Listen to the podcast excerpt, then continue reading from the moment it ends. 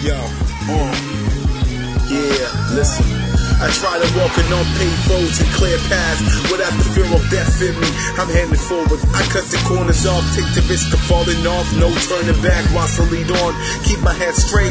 This is my future where I follow my own ways. From the soil that I sprout onto the pavements that I play to the house where I reside in my elder days. To my legacy where people speak my name. When mama said Curtis become a man, I became one.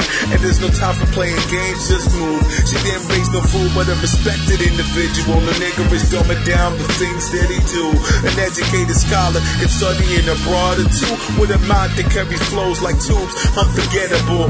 Take a look at my perspective and you can see where you capture my bars and set your mind free. Uh, let's step aside. I ain't pausing on the break. I need to make ends meet and get my hustle going. Stay flowing, to provide my hundred mind and keep pushing on. How do you stand aside the line or just pass along? If you thought I was gone, then you guessed it wrong. Inspired by V, dropping poems from his gem bag. Cause once we team up, back like how we used to, we relive the past to become the future.